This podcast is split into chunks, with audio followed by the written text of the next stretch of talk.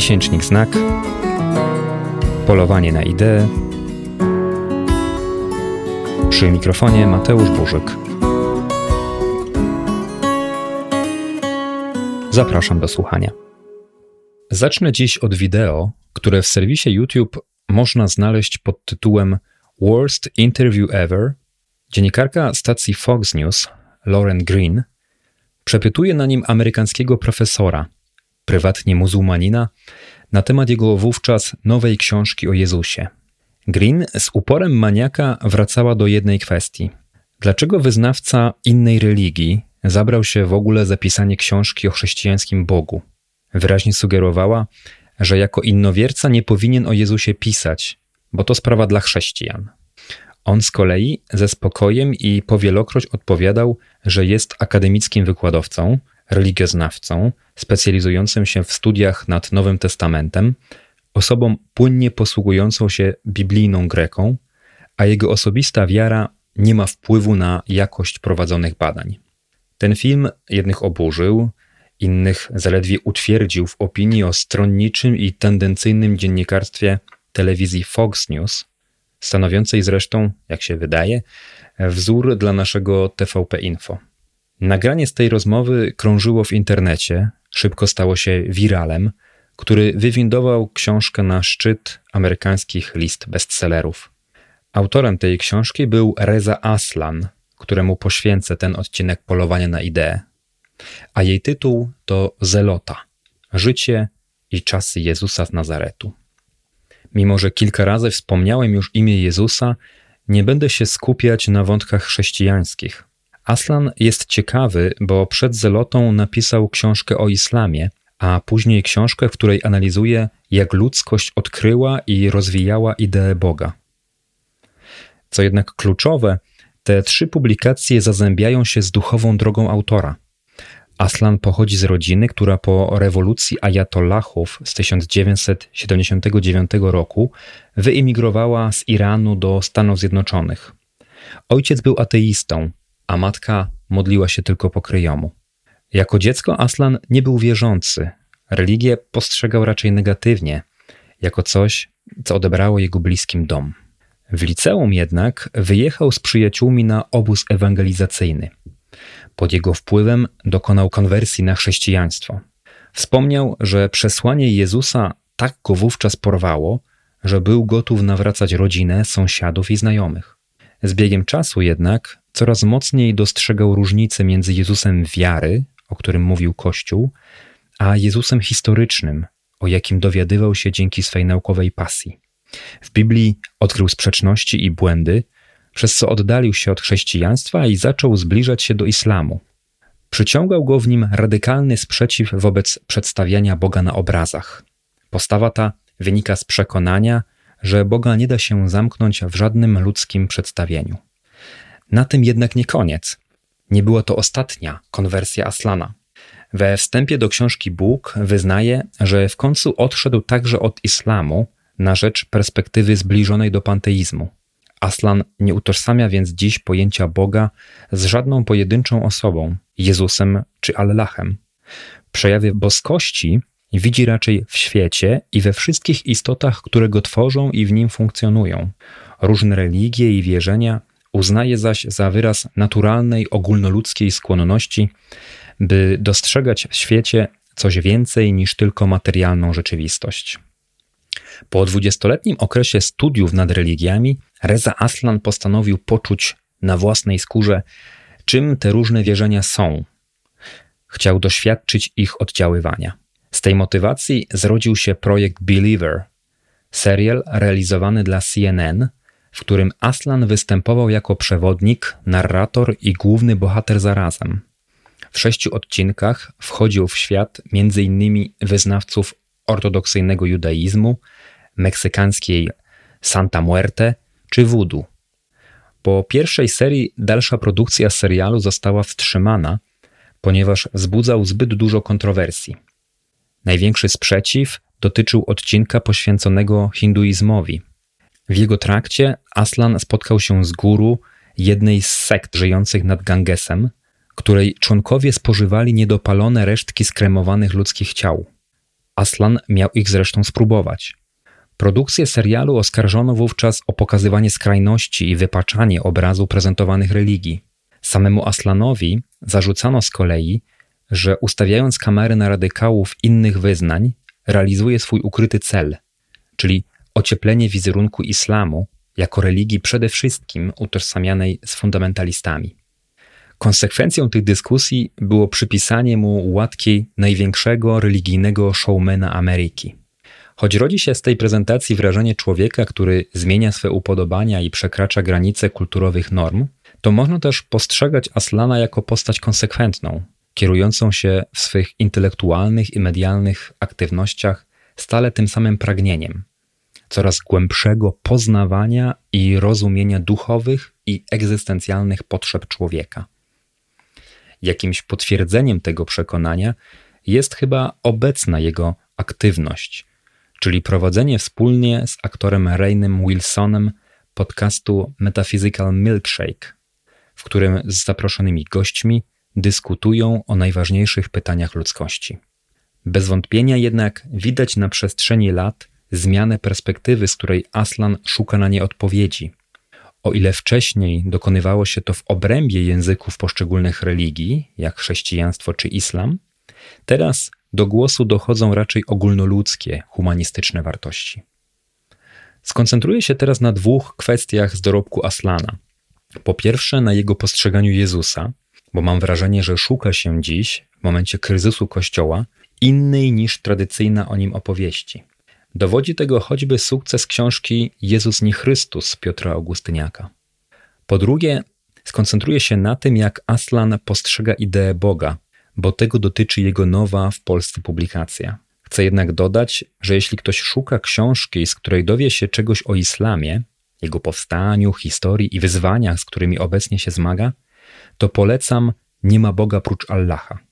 Aslan stawia w niej tezę, że islam przechodzi współcześnie przez wstrząsy analogiczne do perturbacji, z jakimi zachodnie chrześcijaństwo zmagało się w okresie wojny trzydziestoletniej z XVII wieku, kiedy to walczyli ze sobą katolicy i protestanci. Nie wiem, czy widząc ostatnio powrót talibów do władzy w Afganistanie, Aslan podtrzymałby dziś to stanowisko. Z pewnością jednak umiarkowani muzułmanie są rzadziej pokazywani w telewizji i dlatego być może wydaje się nam, że radykałowie rozstrzygnęli już rywalizację w obrębie tej religii na swoją korzyść. Tyle o islamie. Czas na Jezusa. Popularyzując wyniki współczesnych badań biblijnych, Aslan pisze o nim wiele ciekawego. Dowiemy się na przykład, że z pewnością miał braci, był uczniem Jana i raczej nie potrafił pisać. Że był jedną z wielu ówczesnych y, postaci o ambicjach mesjańskich.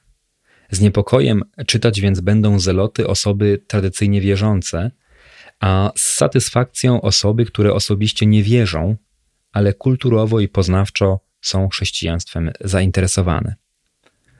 Kluczowy koncept, na jakim Aslan oparł swoją książkę, wychodzi od zapisów na temat Jezusa w rzymskich źródłach historycznych. Potwierdzają one tylko, że człowiek o takim imieniu zginął na krzyżu. Taka wiedza to jednak wcale nie mało. Czytamy. Nawet gdyby ktoś wiedział o Jezusie z Nazaretu tylko tyle, że został ukrzyżowany z rozkazu Rzymu, to wiedziałby praktycznie wszystko, co trzeba wiedzieć, żeby odkryć, kim był i dlaczego zginął przybity do krzyża. Jego przestępstwo z punktu widzenia Rzymu było oczywiste. Został skazany za ambicje królewskie. Całą resztę Aslan interpretuje w świetle tego faktu. Jego Jezus zostaje wpisany w ruchy niepodległościowe w Izraelu, początku naszej ery, coraz mocniej sprzeciwiające się wówczas rzymskiej okupacji.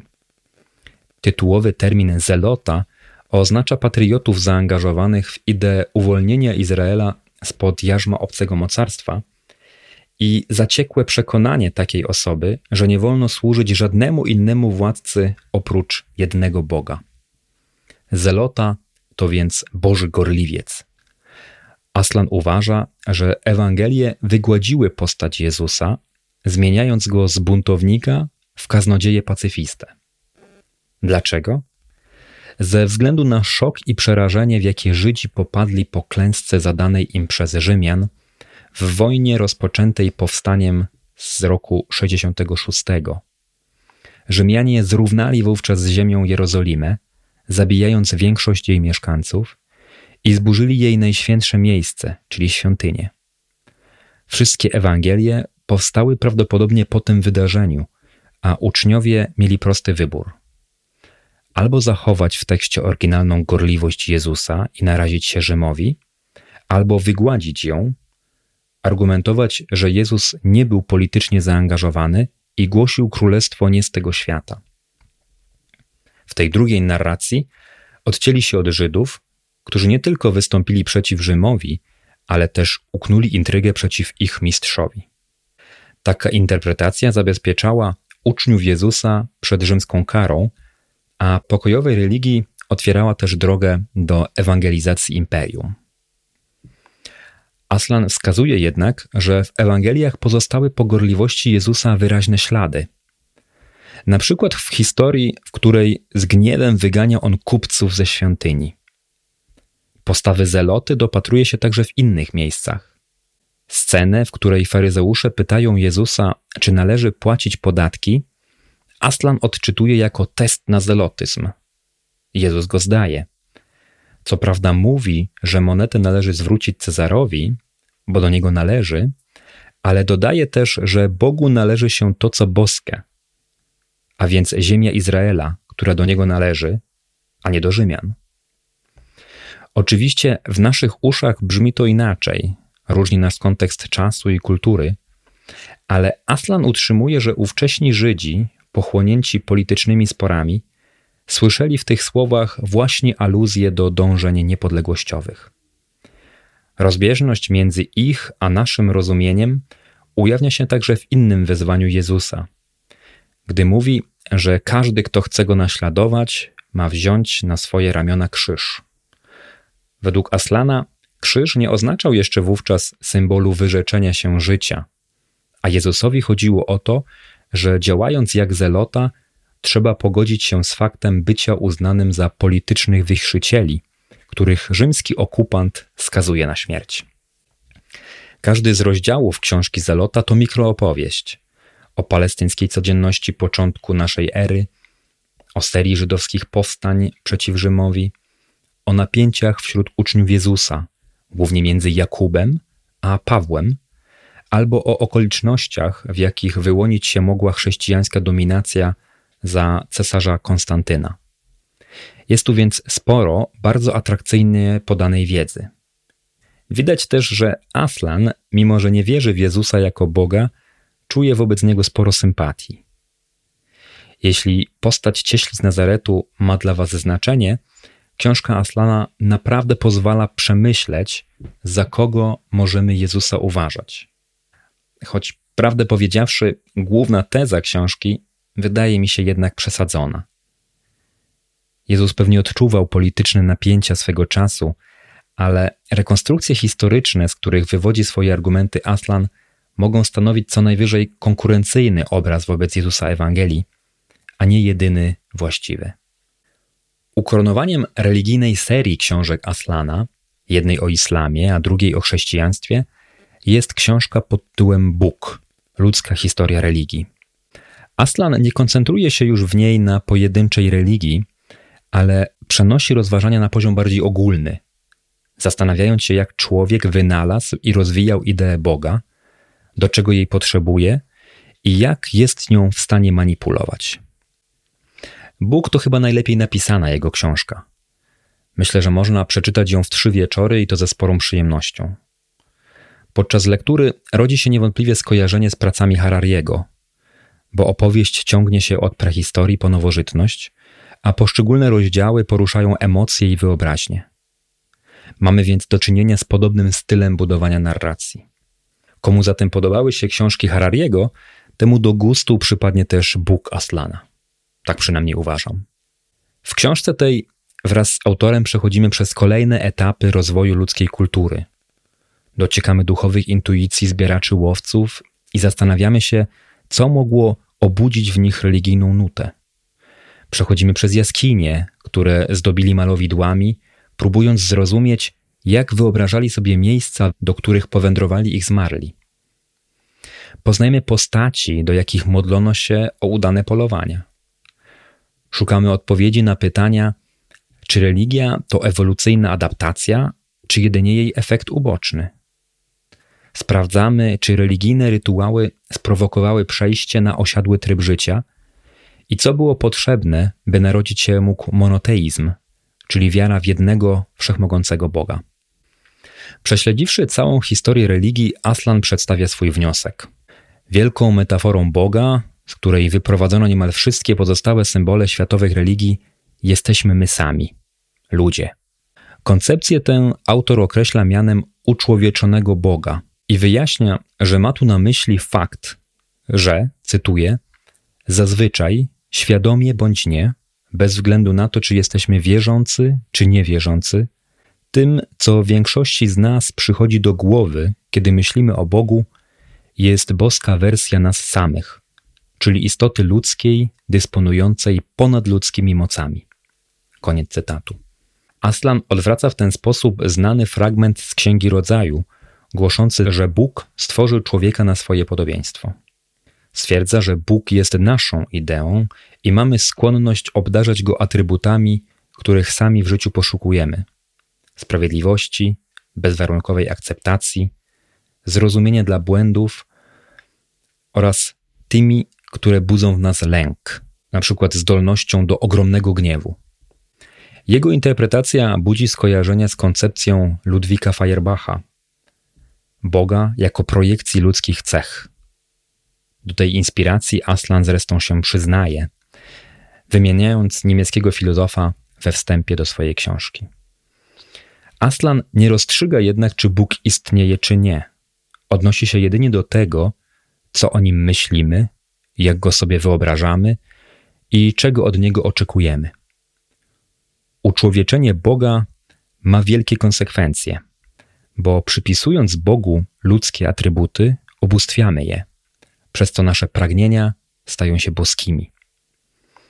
To rozpoznanie pozwala zdaniem Aslana wiele zrozumieć, bo, cytuję, tłumaczy, dlaczego na przestrzeni dziejów religie były nośnikiem zarówno bezgranicznego dobra, jak i niewysłowionego zła, oraz dlaczego ta sama wiara w tego samego Boga inspirowała jednych wierzących do miłości i współczucia, a innych do nienawiści i przemocy. Daje to również odpowiedź na pytanie, dlaczego dwóch ludzi, czytając te same święte księgi, może z nich wyciągnąć całkowicie rozbieżne wnioski.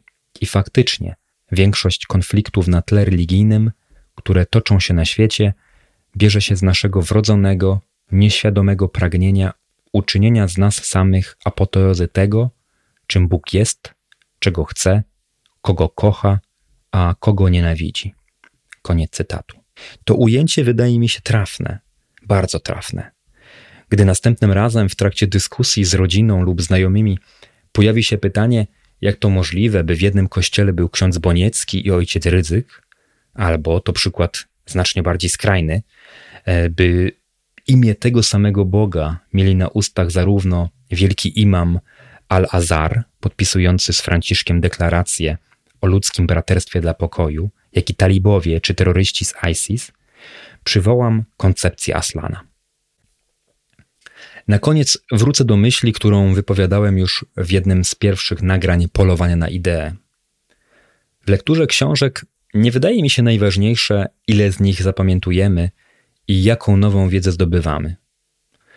Kluczowe jest to, co poszczególne lektury z nami robią, do czego prowokują i na ile, jak zachęcał Kant, pomagają nam wydobyć się ze stanu intelektualnej czy duchowej niedojrzałości. Autorów, które piszą takie książki, wybieramy z Michałem do podcastu. Aslan jest jednym z nich, a potwierdzeniem tego niech będą te proste zdania. Cytuję. Kiedy byłem dzieckiem, wydawało mi się, że Bóg jest wielkim, potężnym starcem mieszkającym w niebie. Przypominał mi on większą i silniejszą wersję mojego ojca, z tą różnicą, że dysponował mocami magicznymi. Wyobrażałem go sobie jako przystojnego, szpakowatego mężczyznę, na którego barki opadały długie, siwe włosy. Zasiadał na tronie spowitym chmurami, a gdy przemawiał, jego głos huczał w niebiosach, zwłaszcza gdy się gniewał, a gniewał się często.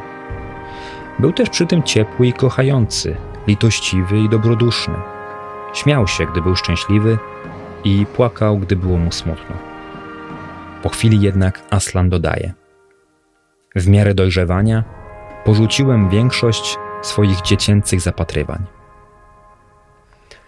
Zastanawiam się, ilu z nas, nawet porzuciwszy religię, może uczciwie za nim powtórzyć, że z biegiem lat porzuciliśmy swoje dziecięce wyobrażenia na temat Boga.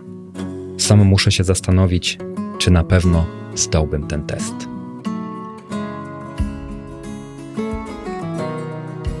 Zapraszam na stronę www.miesiecznikznak.com.pl i na kolejny odcinek podcastu. Do usłyszenia.